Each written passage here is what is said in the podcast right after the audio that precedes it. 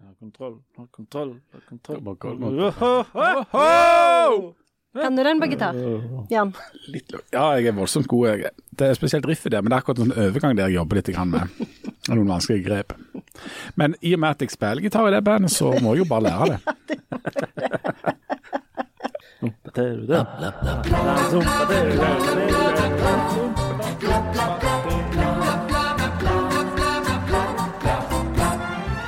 Er Trump-perioden endelig over nå? Jan, har du noe innsikt der? Ja. Ikke det, nei. Vi minnes Froddyen, en galen mann og en fantastisk vokalist som faktisk jobber i butikken til Janne.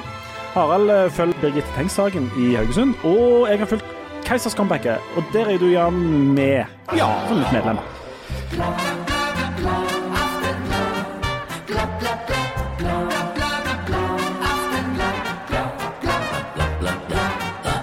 Og hjertelig velkommen til Aftenbladet. Eh, Det her har vi med Jan Sahl, det femte medlemmet i Keisers. Sjette.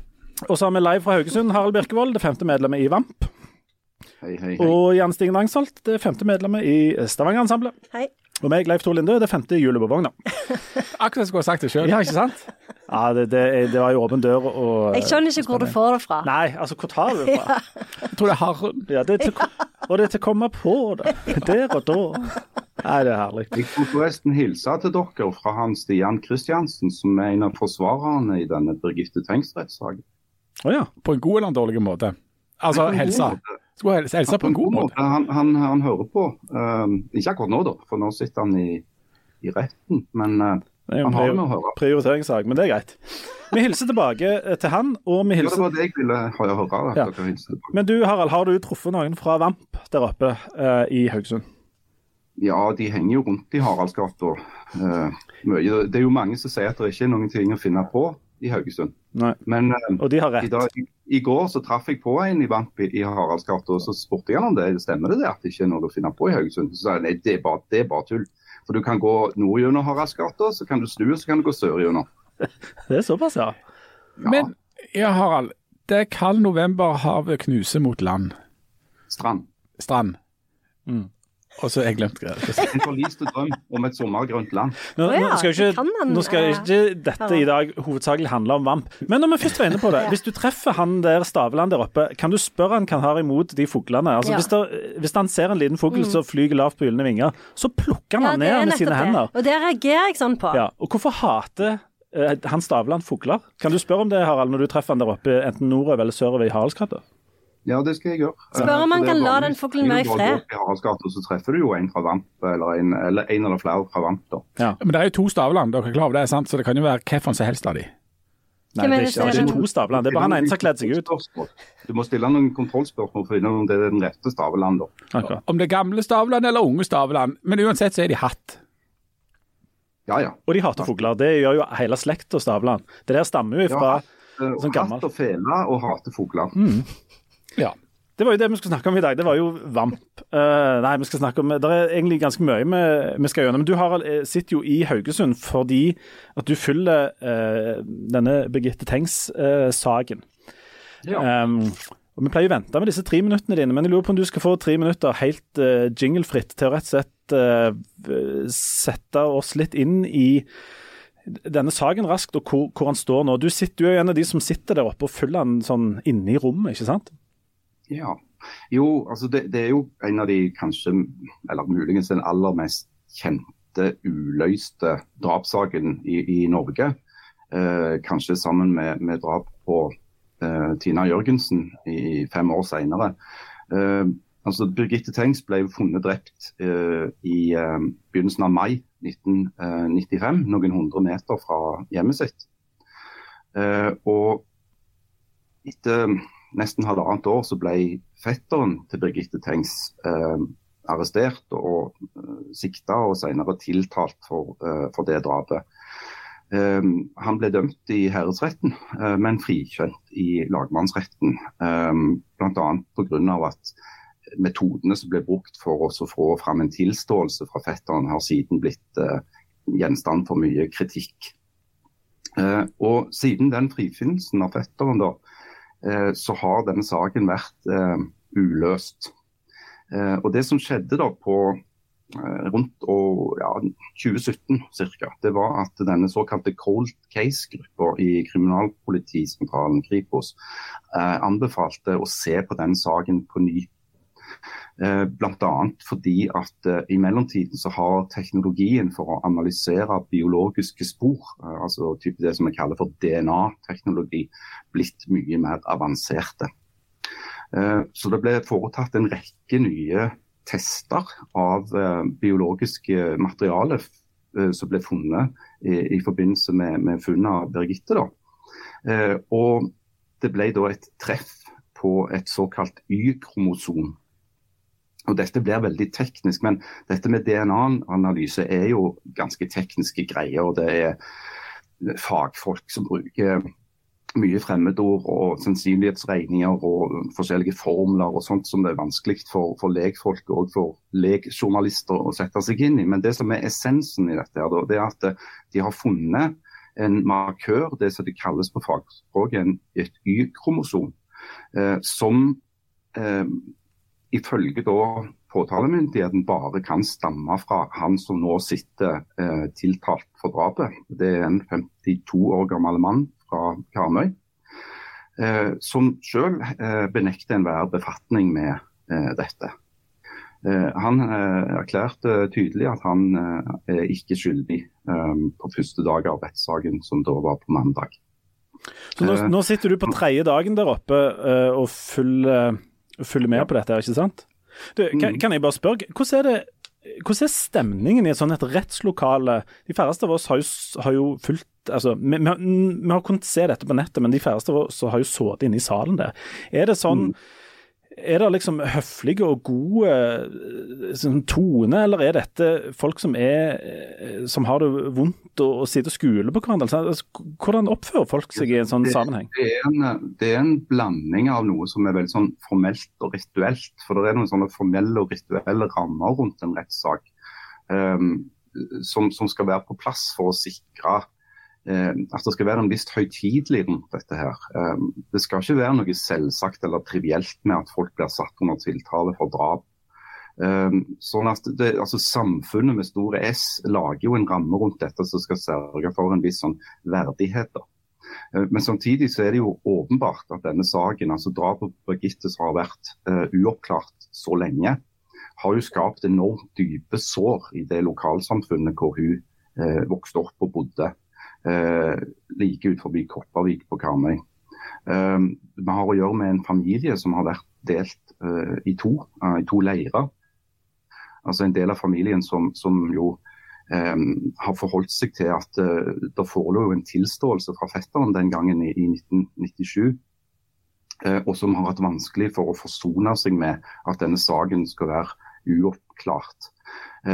Det som òg hører med til historien, var jo at fetteren, eh, omtrent samtidig med at han ble frikjent for drapet, ble dømt til å betale erstatning til Birgitte Tengs sine foreldre på 100 000 kroner. Og Den erstatningsdommen har jo han og hans advokater eh, de siste årene, særlig da Arvid Sjødin, kjempa for å få oppheva. Eh, og på fredag i forrige uke så ble den saken eh, der ble det, kom en dom da, fra Agder lagmannsrett, eh, hvor den dommen da ble oppheva etter alle disse årene. Eh, sånn at Det er jo et sånt bakteppe av en, altså en, en, tragedie som både dreier seg om et drap, men som òg dreier seg om et, en familie og et lokalsamfunn som har vært dypt splitta og nærmest ødelagt av denne saken. Men dermed så er det jo Altså, Det er jo mye på spill i en sånn drapssak uansett, men, men, det virker som det er noen sånn ekstra dimensjon her. Både uh, det at denne saka har den forhistorien som det har, uh, men dermed så har det jo på en måte blitt veldig klart at dette om han ikke ble dømt, men at han på en måte ble dømt allikevel, er jo et slags justismord på et vis. Og dette, denne rettssaken kommer rett opp etter at et annet justismord på, en måte har blitt klarlagt, nemlig det i Kristiansand og, og Viggo Kristiansen. det at det der blir begått justismord, er jo noe av altså det, det er jo det enhver en dommer og enhver rett vil unngå. Det skulle tilsi at en vil være iallfall helt sikker på at en, hvis en dømmer her, så er en sikker på at det er rett. Eh, mm. Som skulle tilsi at hvis det er en minste tvil, så kommer han som sitter der nå ikke til å bli dømt. Men samtidig så må det jo være et helt enormt press, nettopp fordi at dette har bygd seg opp i 27 år på å få dette avklart og, og slått fast, og at noen blir dømt for dette her. Hvordan står de der to hensynene mot hverandre der oppe i, i, i stemningen i gatene? Nei, det er jo det, er jo det som er krukset, eller uh, kjernen i denne her saken. Altså Det som skjedde var jo at etter at denne etterforskningen hadde ført fram til det uh, sporet, altså dette Y-kromosomet, uh, som, som, høyst sannsynlig vil stamme fra han som nå er, er tiltalt, så har jo hele saken dreid seg om hvordan har det sporet, eller hele saken kommer til å dreie seg om hvordan har det biologiske sporet blitt avsatt på denne strømpebuksen til Birgitte Tengs. Det, kan det knyttes direkte til drapet, eller kan sporet ha blitt avsatt før eller etterpå. Og Det ligger jo til grunn at altså, Riksadvokaten, som jo er øverste sjef for påtalemyndigheten i Norge, har gitt ordre om at det skal tas ut tiltale mot denne 52 år gamle mannen. Det betyr at Riksadvokaten er sikker på at de kan føre bevis for at det var han som drepte Birgitte Tengs. Men forsvarerne og dommerne har en annen oppgave. De skal se etter alt som kan skape tvil. Og all rimelig tvil i en straffesak, enten det dreier seg om et drap eller hva det nå måtte gjøre, skal komme den tiltalte til gode. For det at Kravet for å dømme noen i en straffesak er at det skal anses som bevist hinsides enhver rimelig tvil at vedkommende er skyldig. Sånn at Forsvarerne til 52-åringen kommer jo til å bruke sin tid i retten til å pukke på mulige andre forklaringer på at dette sporet er avsatt på den strømpebuksen. Eh, mens aktoratet vil på sin side pukke på at det er bare én forklaring. Eh, og Det er det dommerne må ta stilling til da, til syvende og sist. Så er det veldig mange mm, aktører og, mange som skal eh, både forklare seg og, og, mm, gjøre andre ting her. Um, Janne, du um, når vi snakket om dette, så, så nevnte, da var det vel far til Birgit Tengs som var som skulle inn i eh, Som skulle si noe der oppe. Det, det syns både du og meg og andre var en vanskelig ting. Um, at de igjen må gjøre dette. Altså, for det, Hvor mange år er det siden? 27 år? 27 år, ja. Det er helt vanvittig lenge. Mm. Um, hvorfor liksom lugga det litt hos deg når du så at han skulle jeg, jeg, skjønner eh, Det som jeg reagerer mest på, er den der massive mediedekning på Mediedekninga, altså Eller det er vanskelig å si, men jeg bare synes at eh, Sånn jeg synes det Sånn så de de siste dagene nå, eh, hvor rettssaken har vart, så har jeg sett bildet av den strømpebuksa til Birgitte sikkert sånn 20 ganger. Og jeg syns det er like ubehagelig hver gang. Og det betyr ikke at det er liksom alt som mediene dekker skal være behagelig, men det slår sånn NRK Rogaland har jo liksom eh, etablert nesten studio liksom på med vannet der i, i Kopervik og liksom rapporterer nå er det dag én, og, og følger liksom rettssaken fra minutt til minutt, nærmest.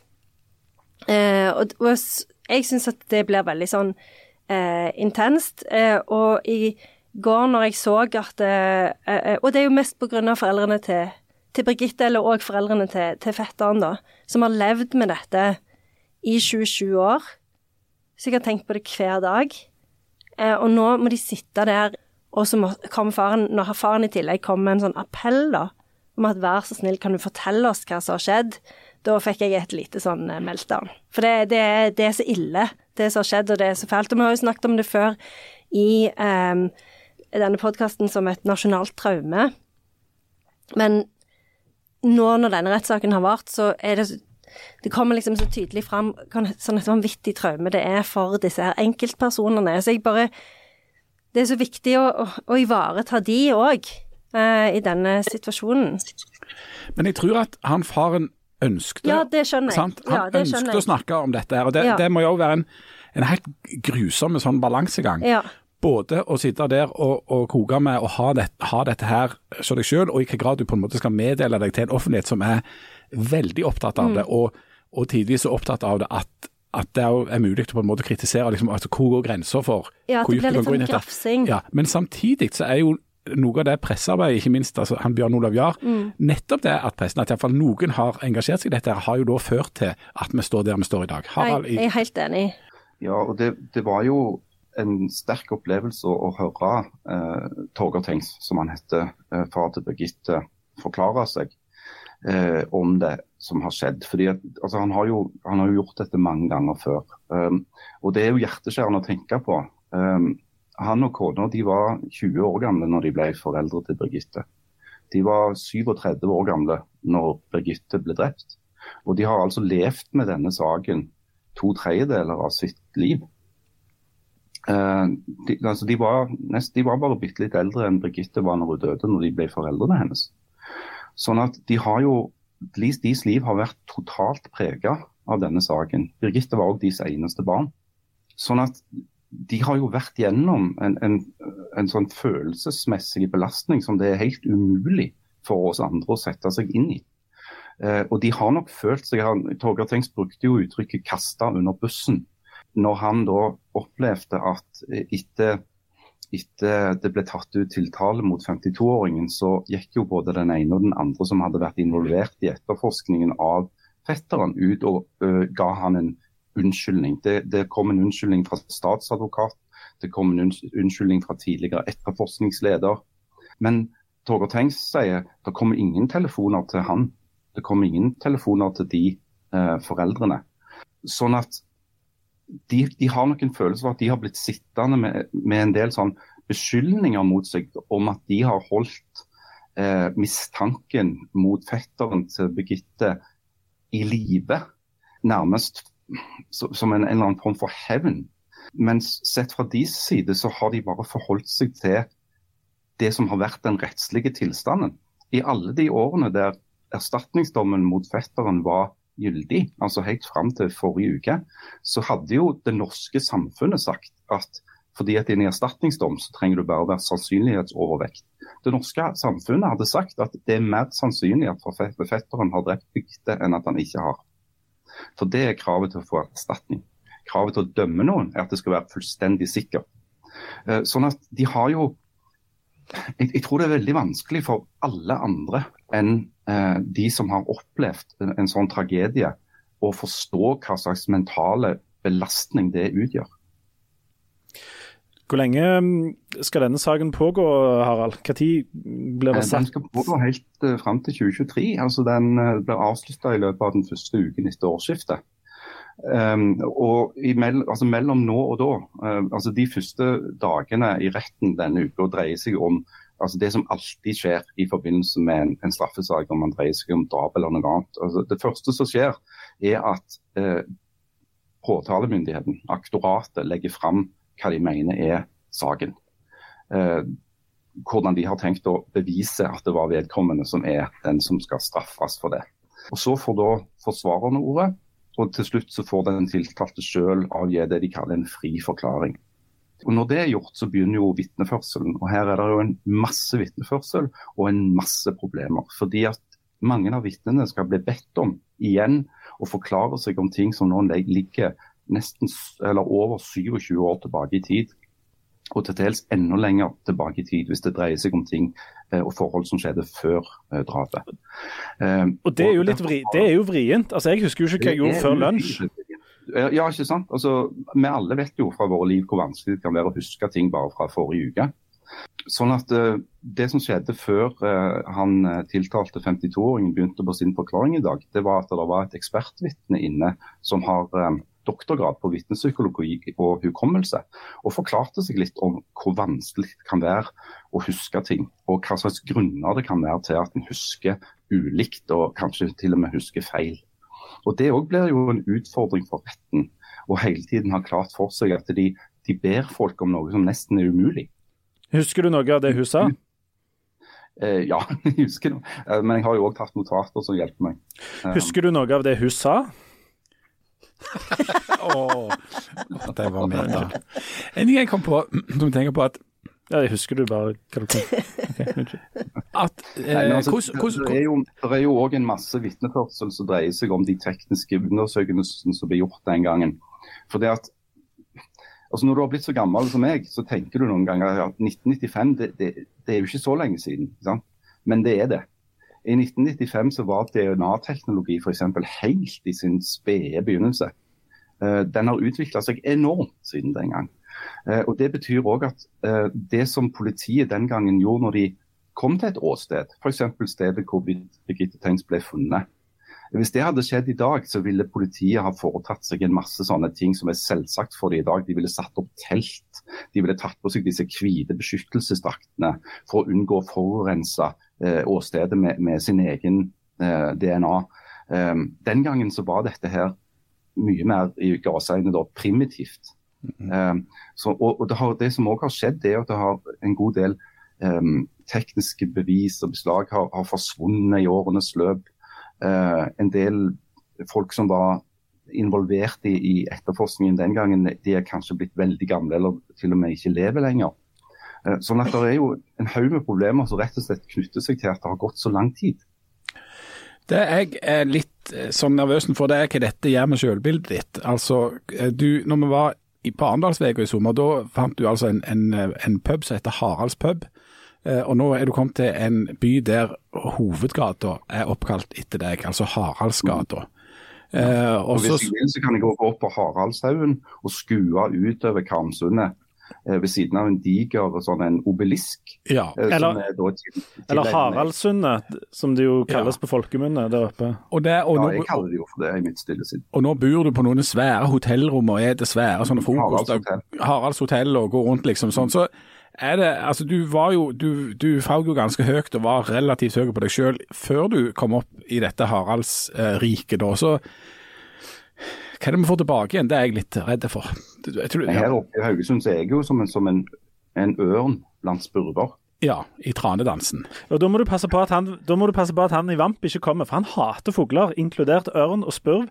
Og hvis han ser bare én liten fugl som flyger lavt på gylne vinger, så plukker han han ned, altså. Ned. Ja, med, med ja, sine hender. Ja. Jeg tror faktisk Nei, men jeg, jeg, skal jo opp igjen i Haraldsgata nå om, om, når vi er ferdige å spille den podkasten. Og da er vel et par av de fra Vamp der, da. Så kan jeg jo høre med de. Hvor mange Vamp-konserter er det? Sånn, bare ta ei vanlig uke da, i Haugesund. Er det sånn tre eller seks, eller? Nei, det, kom, det varierer mellom fem og 15. Hver uke? Ja, det, de er mye dobbeltkonsert. Ja. De, Vamp har jo ikke lagt opp heller, uh, men det er det andre som nesten har gjort. og um, vi skal hoppe litt fra Haugesund ned igjen her. For du, du Jan, du har jo fått Dette er litt, litt, trist eh, og litt gøy, men den siste podkastinnspillingen du er med på antageligvis hos oss, fordi ja. du har fått deg eh, ny jobb? Ja, jeg, eh, i dag så har det jo da etter noen uker med spekulasjoner blitt klart at Keisers Orchestra eh, skal begynne å spille igjen og skal holde på igjen da. og og for de som leste meldinga eh, på NRK om dette, så ble Keisers gitarist Jan Zahl eh, sitert på hvordan dette skulle bli. Og dermed er vel katten ut av sekken at det er egentlig det er jeg som spiller gitar i Keisers Orkester. For det er ikke bror din Geir? Det var jo han. Og mange har jo tenkt at det kommer til å være han i fortsettelsen. Og ofte når jeg har snakket med han, så har han også gitt uttrykk for at det er han som er gitarist i Keisers Orkester. Men det er jo media, det du står, som står i media, sier han. Ja, ja. ja. Så fikk du med deg dette, Janne, at Jan hadde begynt i jeg, eh, jeg gjorde det. og og jeg syns jo det er litt vemodig, for jeg syns jo at det har vært veldig trivelig at du har vært med i denne podkasten. Du trenger ikke lyge. Hvordan tok, Geir det da, det med at du skal erstatte han i, i, i da Vamp, nei, Kaisers orkester? Han begynte å grine. Ja, for han har jo øvd ganske mye på den gitaren. Han har øvd, og det er flere av det der Akkurat det er litt sånn vanskelig å få med seg fingrene på. Det har han øvd voldsomt på da, for at det skulle Men det klarer du lett. Og Geir, Geir er jo ikke så god på dette med G7, f.eks. Han spiller bare vanlig G. Men, men altså, for, for de som nå er lett forvirra. Eh, bror til Jan spiller jo da gitar i, i Keisers. Men har en lei tendens til at av og til du òg blir omtalt som gitarist i dette ja, det, orkesteret. Det, For det, det, har skjedd før at Jan Sahl har spilt uh, gitar i Keisers? Det er ikke første gang. Uh, jeg har også vært gitarist i Keisers i uh, VG, uh, iallfall. Uh, og, og opptil flere ganger rundt omkring. Så det, det er morsomt. det. er Både jeg og bror min ble litt sånn forveksla. Og en stund var jo han bror til Jan Sahl uh, når han begynte å studere i Bergen. Jeg hadde vært der lenge. Og så ble jo jeg etter hvert bror til han i Keisers. og nå har jo de vært vekke en stund, så nå så begynte søstera di i radioen? Da ble jeg bror til hun i radioen. Hilde. Eh, og så nå når Keiser kommer Og så var jeg en stund bak meg sjøl, og så er jeg jo stadig vekk eh, mannen til hun der Britsenøve. Så jeg har, veldig lite erfaring med å bare være meg sjøl. Når jeg vokste opp, så var jeg jo så til Hans Zahl han der som andre som er med i den podkasten med dere tre. Ja, det er meg, det. Ja. Nei, det, nei, det var deg, det. Altså. Ja, ja, ja.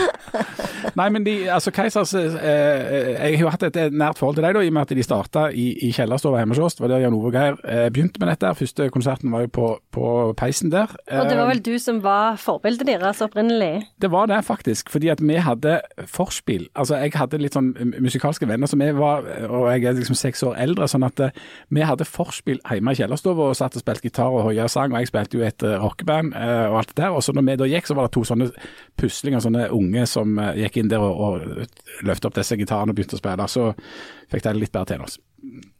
Men, men, men, men dette førte jo til at, at jeg altså, sånn at jeg jeg visst kjennskap, fordi jeg, skrev, jeg skrev jo på en måte biografien til, til Keisers Orkester på et visst tidspunkt, så jeg har jo eh, vært eh, ganske dypt inne i det der, ja. Så er du litt bitter nå for at de skal gjenforenes? For nå ble jo den Han er jo med i bandet nå, det er jo Ja, ja, ingenting å det er sant. Det er sant. Men om jeg kan få lov å komme med en smule mediekritikk Ja, Handler det om vamp og den Nå fuglen og det sånn at eh, De har jo drevet eh, som en slags sånn musikalske luremus nå, dette bandet, i en, en, noen uker.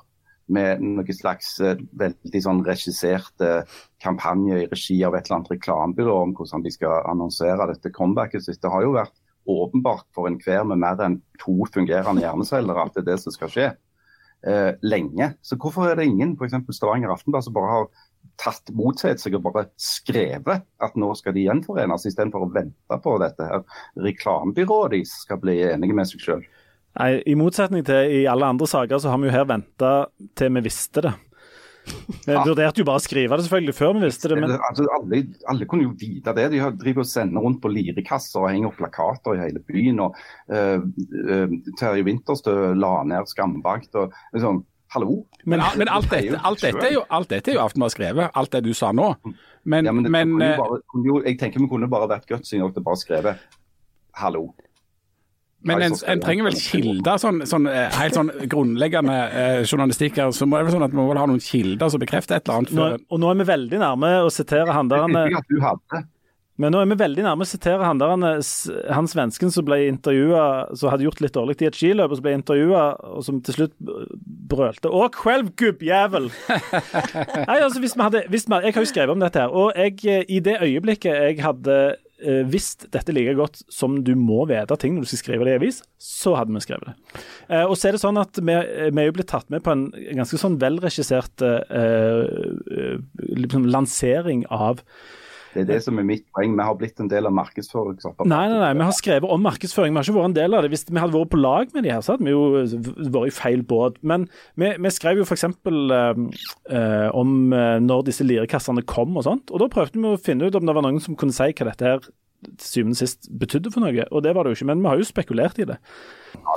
Og så- kan jeg- også si at, at eh, jeg har jo relativt eh, tette bånd til, til disse tingene. Sånn at jeg er definert, og har definert meg selv, helt naturlig som totalt inhabile. Ja, du jeg, spiller jo i bandet. Jeg, jeg spiller jo i bandet, så jeg sier jo jo bandet, Jan. Ja, så jeg sier ikke ett ord om dette noen ganger når vi diskuterer det. Det er ingen som spør meg om det heller. Eller, eller noen som har spurt, men da sier jeg at det kan jeg, altså jeg, dette vet jeg ingenting om, jeg kan ikke si noen ting om dette. Ellers så syns jeg dette har all- bærer litt preg av For det første, jeg tenkte jo med en gang at vi, vi skulle jo hatt noen Hvis vi hadde hatt en velfungerende redaktør, f.eks. politisk redaktør, skulle kunne vi tatt litt grep her, så hadde vi gjerne klart kommet oss ut av den knipa. Men det, dette bærer jo òg preg av at du er nå gått over til Vamp. At du har vært for mye i Haugesund. Jeg er bitter på vegne av Vamp og alle de andre i Haugesund, og derfor er du sur. Jeg snakket jo med et par av de vamp eh, her oppe, og de sa jo det. De treger jo nå på at ikke de òg på en måte tok pause, og sånn at de kunne gjenforenes. De spiller jo fem konserter i uka i Haraldsgata, så de kan jo mulig enden. Ja. Nei, vi skal, øh, vi skal snakke litt mer om, om øh, musikk, fordi at denne uka har jo vært litt spesiell i Stavanger. Vi har liksom fått noen tilbake, men vi har òg mista noen. Um, så etter en liten pause så skal vi komme tilbake for å skal vi snakke litt om, om Froddien og litt om odds. Og så skal vi til USA en tur der det skjer et eller annet som er vanskelig å forstå seg på, men som jo selvfølgelig er øh, viktig. Og så får vi se, muligens det blir noe mer om Vamp.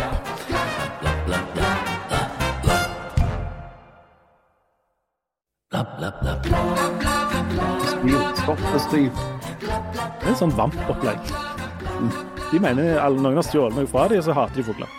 Hjertelig velkommen tilbake til, til Aftenbladet. Um, denne uka her i Stavanger så har vi altså mista Eh, først fikk vi beskjed om at eh, Frode Rønli, Froddien, eh, var død. Eh, og ikke lenge etterpå så kom meldingen om at den ene gitaristen i Mods var død. Altså Det er sånn uker som vi bare burde avlyst. Men, så, men dette med Froddien, Janne, det er litt spesielt for oss som bor her. Froddien var jo fra Sandnes, og du er fra Sandnes. Mm. Og han har til og med jobbet i butikken din. Ja, fordi når, eh, når Stavanger-ensemblet ble litt store, så ble det eh, lansert som en slags gimmick at han skulle jobbe i butikken. Han skulle jobbe i butikken til foreldrene mine og i en, en platebutikk i Stavanger som de hadde samarbeid med annenhver uke for å trekke folk. Ah. Eh, men eh, Frodin egner seg ganske dårlig å stå i butikk. Jaha. Så det var ikke en sånn umiddelbar suksess. Og dessuten så trakk han ikke så mye kunder. Det var mest eh, For det er jo i, i Sandnes eh, på 80-tallet eh, så var det jo ikke så mye kjendiser.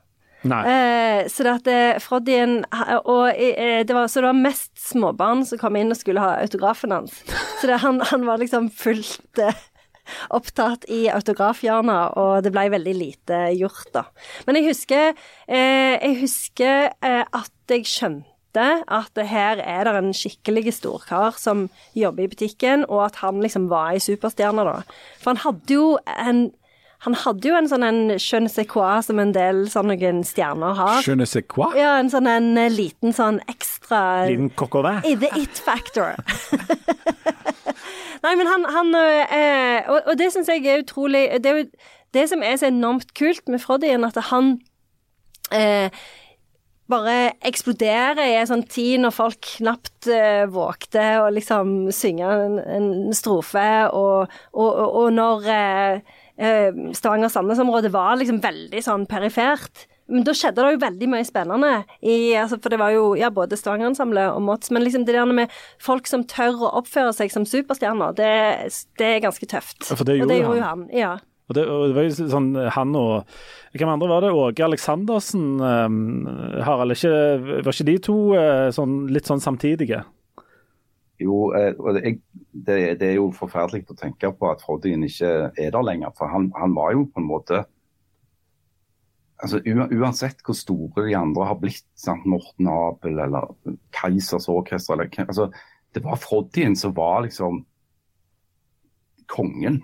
Av, eh, var han, han var den liksom ekte rockeren. Og så var det en gang jeg var så heldig å få intervjue Åge Aleksandersen. Eh, og så fortalte han historien om han, den første gangen han traff Froddien.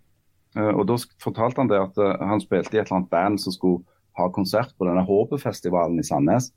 Så han hadde blitt henta på flyplassen på Sola med en sånn van og kjørt ut i et grusomt drittvær uh, i halvmørk nå. Pøsregna selvfølgelig. Uh, og så kom de kjørende inn på dette konsertområdet, og han steig ut av denne vanen og satte foten rett ned i en søleputt. Selvfølgelig, ble klissflaut på beina. Og i den søleputten så lå der en naken mann og skreik av full hals. Og Det var første gangen han traff Froddien, som hadde gått ut i publikum, som han veldig ofte gjorde, ikke sant? og lagt seg ned i denne sølvputten for å få ut eh, det skikkelige primalskriket. Og Da husker jeg Åge Aleksandersen sa at han hadde aldri i sitt liv hatt mer lyst til å bare gå inn igjen i den vanen og be om å bli kjørt tilbake til flyplassen. og Dra tilbake til Namsos og få seg en jobb. For som han sa, dette her går det ikke an å konkurrere med. Men han reiste jo ikke tilbake. Tvert imot, han ble jo værende. Ja, han ble, værende. Han var profesjonell og gjennomførte konserten. Og så hadde de havna på, på nachspiel på Hotell Sverre, tror jeg mener han sa, i, i Sandnes, med, med bl.a. Froddien.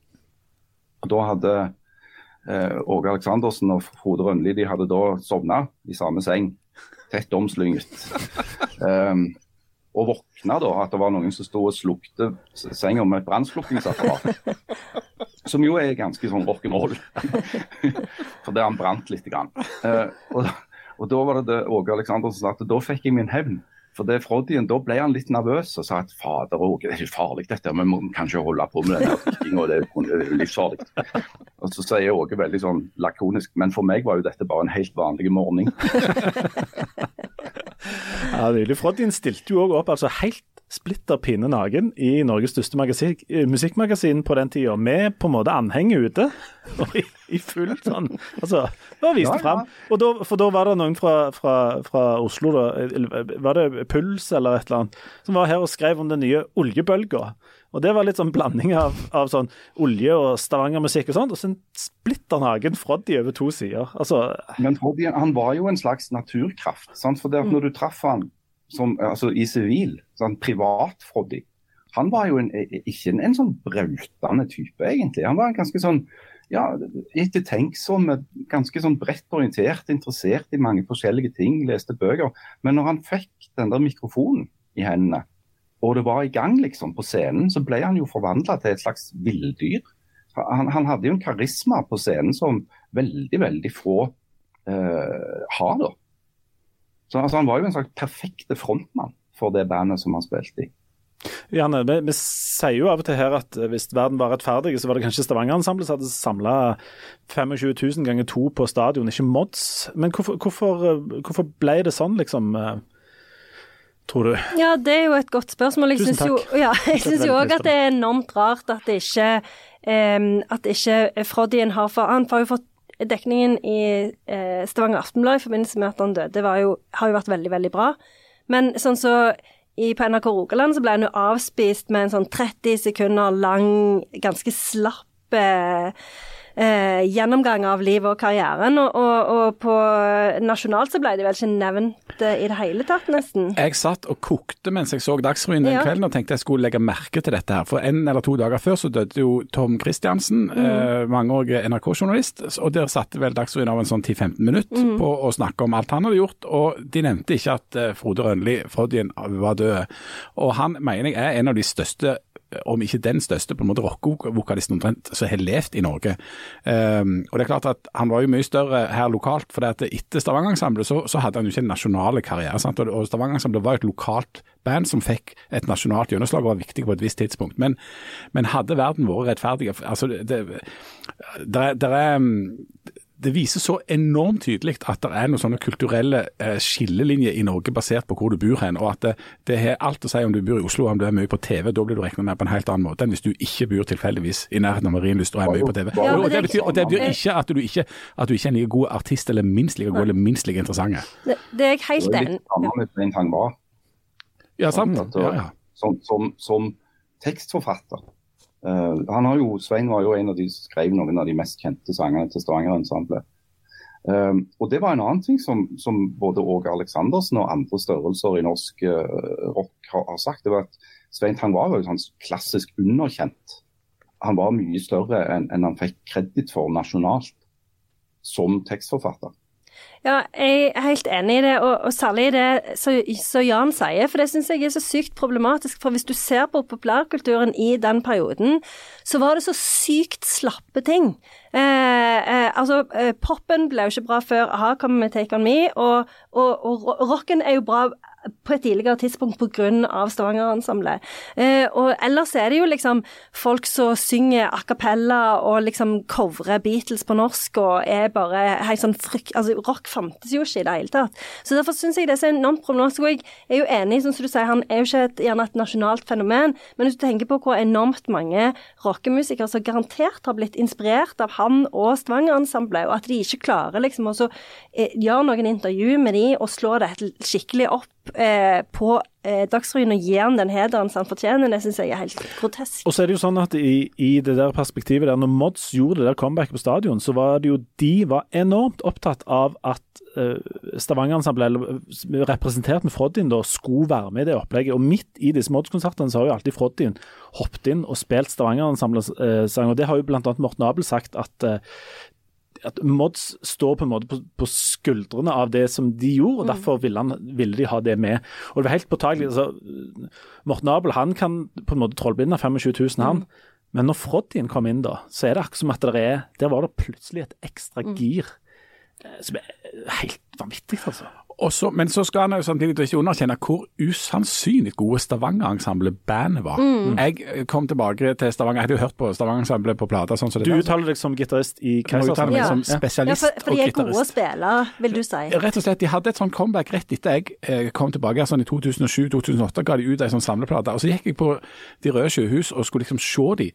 Og altså, gud hjelpe meg for et teit band. Eh, altså TIGHT. Eh, altså, de, de spilte så beintøft. Og det er jo enormt enkel be bemanning. sant? Altså, Det var bass, tromme og gitar, og så han der eh, galningen i front. Altså, de, de hadde gode sanger, de hadde eh, gode tekster. Og et sinnssykt bra eh, komp, også da Norges beste eh, frontmann, egentlig. Så, så, så det svingte jo så mye der. Jeg, jeg, men, men jeg men jeg husker, jeg, jeg husker jeg så det som da eh, skulle bli den siste konserten med Stavanger-ensemblet, så vidt jeg kan forstå. Altså på Rått og Råde eh, var de og spilte hele Skal det være så skal det være, eller var det Ta, ta en sjanse? Altså, Ja, ja, ja. Og da, da, da igjen jeg tror Frodjen var han var ringen sånn fysisk da, sånn at han var ikke så uh, sprell, sprellete, holdt jeg på å si, men, men bandet spilte akkurat like teit, og han sang akkurat like bra. og Det, altså, det slo meg hver gang jeg hørte det live at dette er så sinnssykt bra. Og det er jeg mener jeg er jo en musikk som holder seg den dag i dag. Det er ikke veldig mange plater som kom ut i sånn 1979 som du kan høre på i dag og synes det er akkurat like bra både i produksjon og i, altså på alle tenkelige vis. Sånn, så når vi er på ferie, så har vi alltid 'Kvelden er kald' som allsang. Det, Mm. Og den er, det er altså, De har mange, sånn som du sier, det er gode sanger, det er bra sanger. Og så òg liksom, det der regionalt med å bygge en sånn en regional stolthet og synge på dialekt, sånn som både Stavanger-ensemblet og Mods gjorde. Det er, på den tida, Mm. liksom. Det er helt utrolig viktig. Og jeg mener jo at det er det finnes ingen bedre altså Det har gitt ut mye, mye sånn gode sånne førstesingler og sånt, men gå inn og sett på eh, det aller første av Stavanger-ensemblet. Altså, eh, hvis du setter på eh, Kanskje finne fingeren, og hører bare hvor ekstremt bra den innspillingen er, helt fra det starter helt til det slutt. Altså, det er det er faktisk bedre enn det dere i Keisers har gjort, Jan. eh, Selv om du er nokså ny der, da. Det, var, Eh, det synes jeg var Men nå, kommer det skikkelig nå skal de jo stygt. comeback. Ja, Dere kommer sikkert til å gjøre mye bra i framtida, Jan. Genialitet, ikke sant? Altså, det var begynnelsen på den sangen. Ja. Nå går natta opp i liminga og mørkner og skrumper inn. Jeg ligger langflat på gulvet, kan ikke finne fingeren min. Brillene og brillene Altså, det er jo Det er genialt. Ja, ja. Det er det og Ernest, altså, det er det rockebandet med, med Ernest Hemingway-referansen. eh, som han snur på altså, Klokken ringer for deg, men her ringer Ja. Her er sånn ikke noen klokker som ringer ikke noen ting i det hele Ingenting tatt. i det hele tatt. Ja, det er helt fantastisk. Det er, Er det modernisme? Ja, Det er jo egentlig en referanse til John Donne, da, som er jo helt tilbake på Ja, nå datt jeg av. 1500-1600-tallet. Nå vet jeg helt. Ja. Og Samme dag døde altså uh, Tor Eivind Syversen, som spilte uh, gitar i Mods. Uh, så det var noen, uh, noen dager der der det var eh, Det var hektisk og vondt. Og jeg Uff, ja. Dag, dagen etter dette så våkna jeg og hadde drømt at eh, det, det var minst en håndfull andre sånne storheter i sånn Stavangers kulturliv som hadde dødd, og at jeg kom på jobb og fikk beskjed om å måtte skrive fem nekrologer på, på halvannen time. Men der er du inne på noe som da faktisk har skjedd nå i, i løpet av veldig kort tid, så er det noen helt sentrale Det virker som det er på en måte sånn en generasjon som rett og slett er i ferd med å, å dø ut av de som har vært veldig sentrale i Stavanger sitt kulturliv. Altså Per Inge Torkelsen, Vegard Hoel, eh, Jan Orf Froddien altså, Svein Tangva. Eh, en kar fra Mods, liksom, og, og, og han som skrev musikken for Løgnaslaget. Aslaksen. Altså, det, er, det, det mange av de som, eh, som forsvinner der. I det greiene der forsvinner det enormt mye sånn klassisk Stavanger-kultur. Og, Og Sandnes. Og Sandnes, Og Sandnes. ikke minst. ja. Ikke Haugesund, Sandnes. Og, men, men, og, og det er altså ja, av folk som lagde ting som var veldig sånn særegent herifra. Altså, det har blitt lagd mye bra etterpå, men det er ikke alt som har hatt det der enorme sånn 'dette er lagd her'-stempelet. Dere i Keisers har jo hatt litt av det, selvfølgelig. Ja. Selv om du er nye der. Så. Men vi er jo et Bryneband. Et Bryne og et Bergensband. Vi er jo ikke fra Stavanger. ja, det kommer an på. Bryne, dere har vel fått kulturpriser i, i de fleste kommuner. Imellom Ja, Dalane og Ikke i Bukken. Nei, ikke Bukken. Ja, ikke Bukken er, er det derfor dere gjør comeback? Bukken og Utsira, de står igjen. For å få Bukken sin kulturpris? Vi skal ha, ha kontroll på hele Ja, kontinentet. ja. Hele, hele kontinentet. Nå skal vi over til et, eh, et annet kontinent, nemlig det amerikanske kontinentet. Ja, det er jo Eh, for der er, er det noe Der er det, har det vært Er det kirkevalg, eller hva, hva er det hatt? eh, Der, var- Der er det valgt en Det var, mening. har vært valg til FAU. Ja, til FAU, ja. ja. Det er vel ingen voksen, eh, voksen som kommer til å vinne dette valget, er det? Eller hvordan ligger det an, Jan? Det ligger an. Vi må jo ha bitte litt sånn dramaturgi her nå. Ja. Fordi at eh, ja. Gå inn på Altså- nettsida. Her er det dine gamle dager.no. Finn ut hvem som kommer feil. Ja.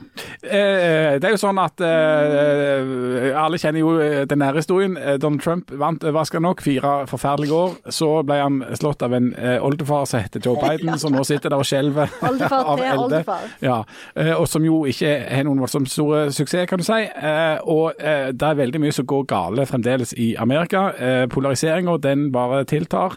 Um, eh, Det så ut som om replikanerne skulle gjøre det først eh, voldsomt godt, og så hadde demokraterne demokratene et lite glimt av håp i sommer fordi at abortsaken kom opp, og kanskje det kunne hjelpe.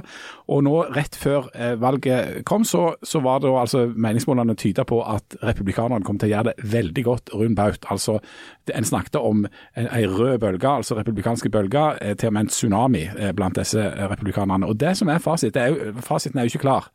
Men det som eh, de store amerikanske avisene eh, slår fast allerede, det er at den røde bølga kom ikke på den samme måten. Altså at nå, i motsetning til de to-tre siste valgene, så har demokratene gjort det bedre enn frykta, og republikanerne dårligere enn det som det så ut til. Og dette er et såkalt mellomvalg. Altså Da velges folk til Senatet og Representantenes hus. Um, Ja. og ikke engang alle. Det er vel noe sånn som 35 av 100 senatorer som er på valg eller noe sånt. Altså den, ja, for Kongressen består av to kammer. Det er Senatet, der det sitter 50 stykk, og så er det Representantenes hus, der det sitter en hel drøss med 100. I Representantenes hus, der hver representant blir valgt for to år om gangen, der er hele gjengen på valg.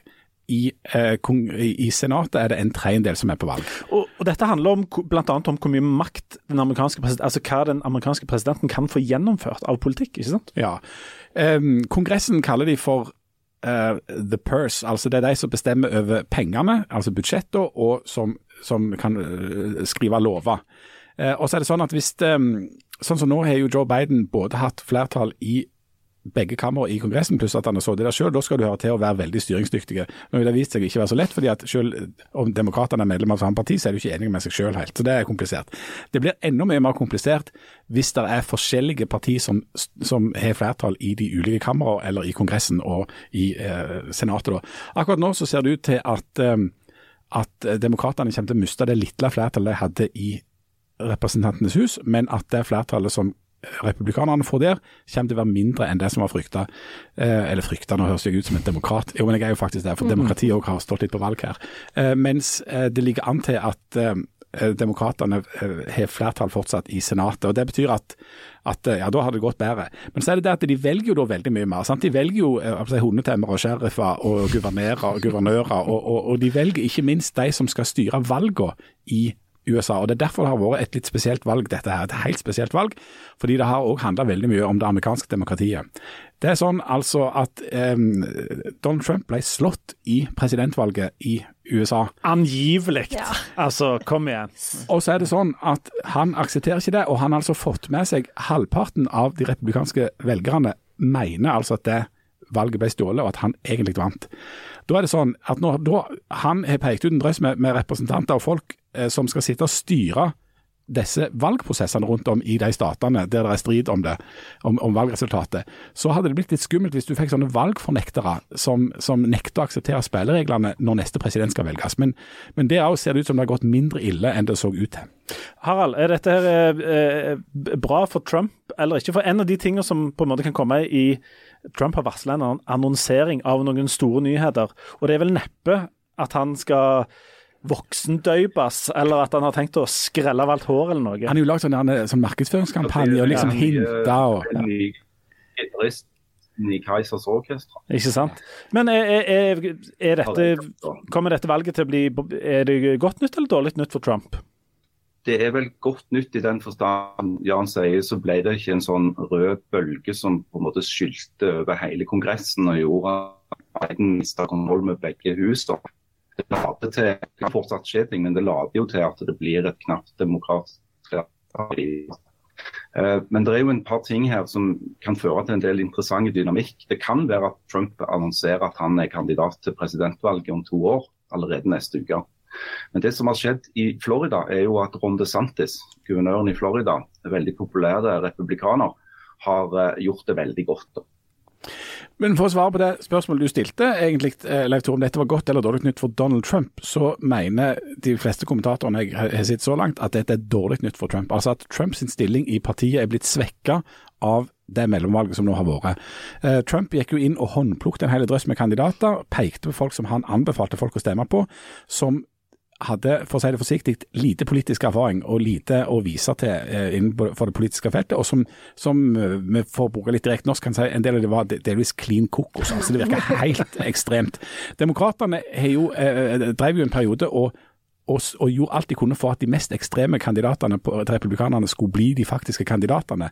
Sånn at deres egne demokratiske eh, kandidater da skulle stå mot noen som virka klin kokos. Den strategien var omstridt, men den kan vise seg å være vellykka. Men poenget er at når de håndplukka folka til Donald Trump viser seg å tape i valg, så har Trump blitt svekka som, som kingmaker. For det viser seg at det er ikke nok at han bare peker på noen som ikke har Eh, kompetanse til dette, til at altså, det er ikke nok for å få de valgt. Har noe... Det er jo noen Hører dere meg nå, eller er det sånn at Ja, dessverre hører vi deg. og vi lurer jo på om Er det noen i VAMP som har uttalt seg, eller? Nei, men jeg skal høre med dem når jeg kommer opp mm. igjen i Haraldgata. Eh, men det jeg tenkte å si, da, det var at eh, det er jo litt ironisk. fordi eh, altså Det har jo blitt valgt nå, eh, og nøkkelordet er valgt, en god del republikanere som ikke har noe tro på det med valg. Um, men altså, det er rart med det, da. Hvis, det, hvis du vinner, så da er det liksom troen på disse valgene blitt litt sterkere da, um, enn hvis du f.eks. da taper. Um, og Det er jo noe vi bare kan merke oss. at Tendensen til å tro på demokratiske valg øker da sterkt hvis du vinner de valgene. Men, men, det er jo sånn så nå i, på morgenkvisten i dag så er det jo en del ting som virker positive, sånn så som dere sier med at det ble ikke et så stort eh, rødt skred som en hadde frykta. Det er første kvinnelige guvernøren i New York State. Eh, Alexandria Octavio Cortez ble gjenvalgt. Mich Michigan beholder abortrettighetene? Ja. Første lesbiske guvernøren i Massachusetts. Ja, det er ikke bra. Nei, men det, det er kjempebra. Og så, eh, men så går du jo rundt med en sånn angst, da, for det, for det neste valget som skal finne sted, hvor Trump allerede, sånn som dere sier, jeg har liksom lansert seg selv som kingmaker, selv om han ikke har klart det, så har han jo enormt mye støttespillere. Det er jo very, very, very, very, very, very, very likely at han skal stille. Og så ser du liksom Biden som ser ut som han er eldre enn Methuselam, og knapt klarer å komme seg opp på den der scenen. Og så sier jo alle at han kommer sannsynligvis til å lansere seg sjøl som kandidat, og så blir det sånn Kan de ikke finne noen litt yngre? Ja. Og så er, det også, er, det, er det ingen andre?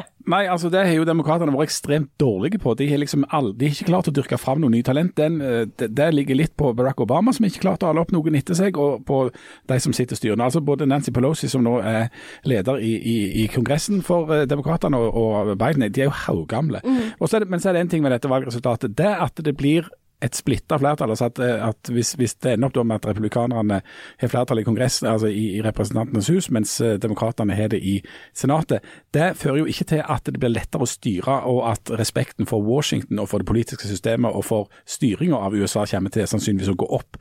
Og Det kan jo igjen da bidra til enda mer polarisering med dette neste presidentvalget. Så det er jo ikke ja, det er ikke bare gode nyheter. Og, men, men, når det gjelder altså, det med at folk blir så gamle og nyrekruttering og sånt, det har jo amerikanerne åpenbart noe å lære fra dere i Keisers, og ikke minst òg i VAMP. For der har det jo vært mye rekruttering. Jeg vet ikke om det er et tema oppe i VAMP-miljøet, Harald, med dette med rekruttering. Har han yngste Staveland et barnebarn, han òg, som kan være med i, i VAMP, eller hvordan? Ja, jeg tror han har flere. Men jeg kan ta det når jeg kommer opp igjen i Haraldsgata. Jeg må snakke opp igjen der jeg nå, ja, skjønner du. Akkurat. Ja. Er, er, det sånn at hvis du går opp der, så første du møter på er noen i VAMP? Eller ja, det kommer an på om du går opp nordhjørnet eller sørhjørnet. Selvfølgelig. selvfølgelig. Du, du får ha, ha, det kjekt på Vamp-konsert i kveld, Harald. Og så følger du jo eh, rettssaken i Haugesund eh, for Aftenbladet i eh, en stund til. Og eh, vi andre vi får Det begynner nå klokka to, og så er det en ny da klokka halv ni. Ja. Mm. ja. Da får du hilse til, til de i Vamp, og så spør om det med den fuglen. Er det sånn matiné? Ja. Det, ja, det er matiné. Eller grateng. Mm. Martine Stavland, hun er jo òg med i bandet. Ja. OK, Harald, takk for, uh, takk for innsatsen. Uh, lykke til. Uh, og så tror jeg vi skal begynne å, å, runde av her. Vi hadde jo egentlig tenkt eh, egentlig å snakke litt om Vamp, men det skal vi, skal vi ikke gjøre. Eh, vi skal over i verdenslitteraturen. Jeg tenker det er jo naturlig med kanskje Tirna Noir, eh, at emissæren kunne kikke litt på den teksten. Ja, for han har jo ikke sett så mye på dikt. Nei, han har ikke det. Eh, men emissæren eh, er jo en såkalt eh, frispiller. Litt sånn som de i Vamp. Er ingen som vet hva han holder på med. Bare, ja. Så eh, jeg vet ikke hvor vi skal hen. Jeg er en fri fugl helt til noen plukker meg ned. I dag så vil jeg lese noe tekst fra Virginia Woolf. Oi, oi, oi. Den går slik, og det er en gruelig god tekst. Mrs. Dalloway sa hun kunne kjøpe blomstene sjøl, for Lucy hadde nok å styre med. Dørene skulle løftes av hengslene, Rumpelmeyers folk var ventende, og tenkte Clarissa Dalloway, for en morgen, friske så bestilte for botten på badestranda. Noe så herlig, kasta seg ut i det. Slik hadde hun aldri, alltid opplevd det når hun med et lite knirk i hengslene som hun kunne høre nå, hadde slått opp de franske vinduene og kasta seg mot båten ut under åpen himmel, så frisk og så rolig og stillere nå da, ja, som lufta var tidlig på morgenen. Det var så et bølgeskvulp, ei bølge, sitt kyss, kjølig og skarpt og likevel, for ei jente på 18 så hun den gang var høytidelig når hun følte der hun sto med det åpne vinduet, at noe forferdelig skulle skje. Så på blomstene, på trærne med røyken som snudde seg av de, og kornåkrene som steig og, og sokk. Sto og så på Peter Walsch og sa grublerier blant grønnsakene. Var det så? Jeg foretrekker folk framfor blomkål. Var det så? Måtte ha sagt det til frokost den morgenen hun var gått ut på terrassen, Peter Walsch. Han skulle komme hjem fra India en av dagene, juni eller juli, han husker ikke skikkelig, for brevet var grusomt kjedelig. Det var, det var det han sa, husker jeg, Aune og foldekniven og smilet og surmulinger, og når talløse ting var aldeles vekke noe så merkelig. Litt av det han sa, som det, var, som det om kål. Det er, kan jeg bare Kan jeg, kan jeg si noe? Ja. For det er jo verdens beste åpning av en roman noensinne. Og det var nydelig lest av emissæren. Og det er tyk klassisk Virginia Woolf. At du begynner i nåtida, og så er det et eller annet ved et sanseinntrykk som gjør at du minnene flommer over, og hun blir plassert tilbake til barndommen og eh, disse somrene som hun har hatt på dette landstedet. Og så er det òg dette her med hvordan dette minnet kan lede inn i en følelse. Plutselig blir hun veldig langt nede, og det er jo veldig typisk for Mrs. Dalloway. at Følelsene går veldig sånn opp og ned. Det er liksom, eh, og, og- det er jo sånn det er. Det er jo sånn det er å leve. Men er det dette som er modernisme? Det, det, det Det er det- høymodernisme. det er dette som er høymodernisme, sant? Ja, ja. Men er ikke dette òg konseptet i ni av ti sånne Bokklubben-bøker med dust cover, og der eh, en følelse, og så plutselig er det jo tilbake til lukt av olivenkrukka til mormor, og så reiser de over syv kontinenter for å finne seg sjøl. Er ikke det omtrent samme konseptet? Jo, men det er jo, eh, det er jo kvaliteten på det som er forskjellig. Altså det, for dette, det, det kan jo òg være bare sånn flashback. Altså sånn vanlig sånn eh, at du bare bruker det som et redskap for å tenke tilbake. Men sånn som Virginia Woolf bruker det, så er det jo først og fremst for å beskrive hvordan vi tenker, hvordan vi opplever verden, hvordan vi opplever oss sjøl, hvordan sinnet og tankene og minnene egentlig fungerer. Og så er, det jo, og så er jo dette først, sant? dette var jo Ja. ikke sånn det var. sant? At det er mange som etterpå er kopiert eller funnet ut eller liksom holdt på med den stilen der, men, men hun var tidlig ute. Mm, hun var veldig tidlig ute. Og ja, alle bør jo lese Mrs. Dalloway. Det er jo en fantastisk Og jeg forsto det jo sånn at emissæren syntes den var veldig bra. Emissæren eh, var voldelig godt fornøyd, sa han. Men Hvorfor var, hvorfor var folk så redde for hun Virginia Woolf? Fordi- Hva var greia med det? Nei, det er jo Hvem var det som var redde for Virginia Ja, Woolf? det var jo uh, eh, det? Arthur Miller. Var det ikke det? Arthur Miller? Ja, var det ikke han som var Who's Afraid of Virginia Woolf? Er ikke det Jo, det var Miller? Arthur Miller, kanskje. Ja. ja. Hvorfor var han så redd for henne? Eh, det er jo enormt vanskelig å forklare. Det er jo ingen som skjønner tittelen på det stykket. Men jeg tenker eh, Virginia Woolf var jo en veldig opprørsk sjel. Eh, hun ville jo snu litteraturen på hodet og gjøre noe helt annet. Hun mente jo at, eh, forfatter, eller, at kulturen var blitt forrådt av eh, viktorianerne, fordi at de så på livet som en sånn progresjon fra A til Å. Hvor du liksom begynte på sånn tabula rasa, og så vokste du deg inn i modning og ble en god borger. Men du vet hvorfor- du vet hun hvorfor- sånn fungerer det ikke. Men du vet hvorfor det stykket heter Who's Afraid of Virginia Woolf? Eh, Den opprinnelige tanken, eh, den opprinnelige tanken var at det skulle hete Who's Afraid of the Big Bad Wolf. Å ja, Nei, og så det er er det bare Ja, det er men, eh, men Så det er bare en sånn en slags sånn Flipp med- For det, For det, hvordan er det nå igjen? Det er to akademikere, eller én akademiker og ei uh, veldig bitter kone? Nei, det er to par, er det ikke det? det ikke Jo, de men er det ikke liksom et hovedpar? ikke de fleste akademikere sånne bitre koner, eller er det bare jeg som Jo, det bare- det, de fleste har vel bitre koner. sånn. Og hvis de i tillegg er akademiker, eksempel professor, la oss si engelsk, så er det veldig mye bitterhet. Det er mye, mye å være sint for. Men jeg kom på en ting. Når det gjelder vamp på den, eh, den lille Fuglen. som de plukker ned, Ja, det handler jo er det en sånn om- parafrasering av den eh, debutromanen din? Eh, Ja, der du drev den fuglen? fugl? eh, eh, Humlefangeren? Ja. Eh, nei, den sangen handler jo om partnervold. Nei. Jo, det gjør han ikke det. Det er jo, det er jo Fuglen har jeg sett på som at det er domestic violence. Går Jeg sier at de stavlene folk synger om kone. Nei, vet du hva. Nei. Du ser en liten fugl som plukker ned mine Ja, hender. Jeg har alltid tenkt at det handler om det er litt sånn at du føler at kona er din eiendom. Jeg har alltid tenkt at det var stammer fra din debutroman, den der humlepungen, eh, og så og at de Humlepungen! Det er. Kjempeguffent! Hva heter den, da? Humlefangeren. Humlefangeren? Humlefanger. Er det noe fanging av humler i den boka? eh, ja, det er det faktisk. Jeg har jo lest den, faktisk. Det eneste For jeg du husker, fikk den jo av tanten din. Eneste, ja, nei, nei, nei, Nei, nei, den her leste jeg eh, av tvang en gang. Jeg husker ikke helt i hva sammenheng. Men nei, ehm, jeg trodde at det der stamte ifra at du drepte den fuglen, og så har han Stavland bare skrevet en sang om at du drepte den fuglen. Tror du den er inspirert av Humlefangeren? At han har lest den? Ikke, eh, nei. Nei. Nei, det er begge. Jeg tror, de har hørt, jeg tror de har hørt at du på et tidspunkt eh, ganske rått og brutalt drepte en fugl, og så har de tenkt hm, eh, om ikke dere synger en sang her da, sønn eller far? Og så har de skrevet liksom den eh, Eller niese. Ja, ja. Du, Martine, var det ikke det du sa? At de hadde sånn Martine-konsert. Og så har de skrevet den, eh, den sangen med å plukke ned den fuglen, at det er du som er opphavet til det.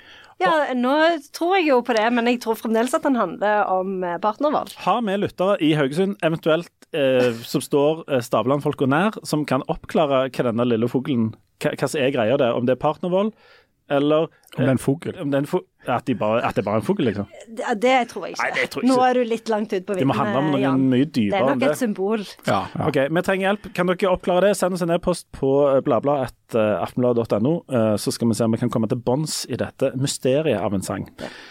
Eh, vi burde slutta for lenge siden. Vi har jo slutta en. Harald, Ja, har har lagt han har på. lagt på, han har han begynner jo å bli litt eh, ikke, Jeg vil ikke bruke ordet dement, men, men eh, Han er kanskje ikke helt der. Nei. Han er sånn på en måte i ei sånn stu- stue der én lampe er på, men det er mange òg som er av. Mm. Han er blitt litt sånn skjelvete når han går. jo, Han glemte jo at han var redaktør. Han begynte å kjefte på Stavanger Aftenblad, som han er redaktør. Ja. Altså, kom igjen. Ja, ja, ja, ja. Det var, det var ganske løye. Og, så hadde, og den der hatten, denne vamphatten som han har kjøpt opp i Haugesund. Der. ja, Jeg tror det- kjøpt eller fått. Ja, jeg tror det er for skjult at han har fått seg enormt grått hår. Ja. Vi fikk jo bilder òg av at han satt i nordenden av Haraldsgata med sånn ei tverrfløyte og spilte med den hatten foran seg. Men det at han hadde bein i kors på en sånn her, en litt sånn her slangetemmeaktig måte, det syns jeg var litt forvirrende. Og det var, det, var, det var på en måte litt fint, men mest trist. Ja, ja. Fint, var vel kanskje strekk. Nei, jo, det var trist. Det var bare trist. Det var trist, ja. Men eh, det er klart, han ser en liten fugl, så har Ja, jeg syns jo at han skulle la den fuglen være i fred. Det får jo være grenser for hvor mange han skal jo, Haugesund er jo kjent for ekstremt få fugler i bykjernen. Det er fordi de er tatt de der. Eller de vantfolk har bare most de. Nå ringer Harald her, så vi se hører hva han sier. Hallo, ja. Ja, fikk du meg? Nei. Om du er ute på Vamp-konsert? Ja, Stemmen fra Haugesund. det er jo en eneste stor vannkonsert. Um, Men altså enormt bråk. Er det fugler, eller hva er det som eh, nei, det er jo Haugesund, vet jeg. Det er naturlig Haugesund-bråk? Ja. Ok. Men eh, altså, jeg, jeg kan ikke sende deg den lyden. eh, eh, skal vi se, et lite øyeblikk. Mailer fra Haugesund tar jo ekstra lang tid, fordi at det uh, Der har vi, ja. Jeg har fått ei fil som heter Tirna Noir. Veldig bra. Det er den. Nei, men da, Jeg tror vi har det. Du må hilse til de Vamp. Ja, hvordan gikk det med misæren? Nei, Det gikk voldsomt godt. Du gikk glipp av noe der. Ja. Ja. Ja, ja. All right. Til fyret. Ja, det var, det var, det var utrolig flott. Det var jo ikke til Ja, vel. Du får lykke til, da. Men, men, jo takk. Ja, ha Det er. Ha det. Er vi- er vi ferdige nå?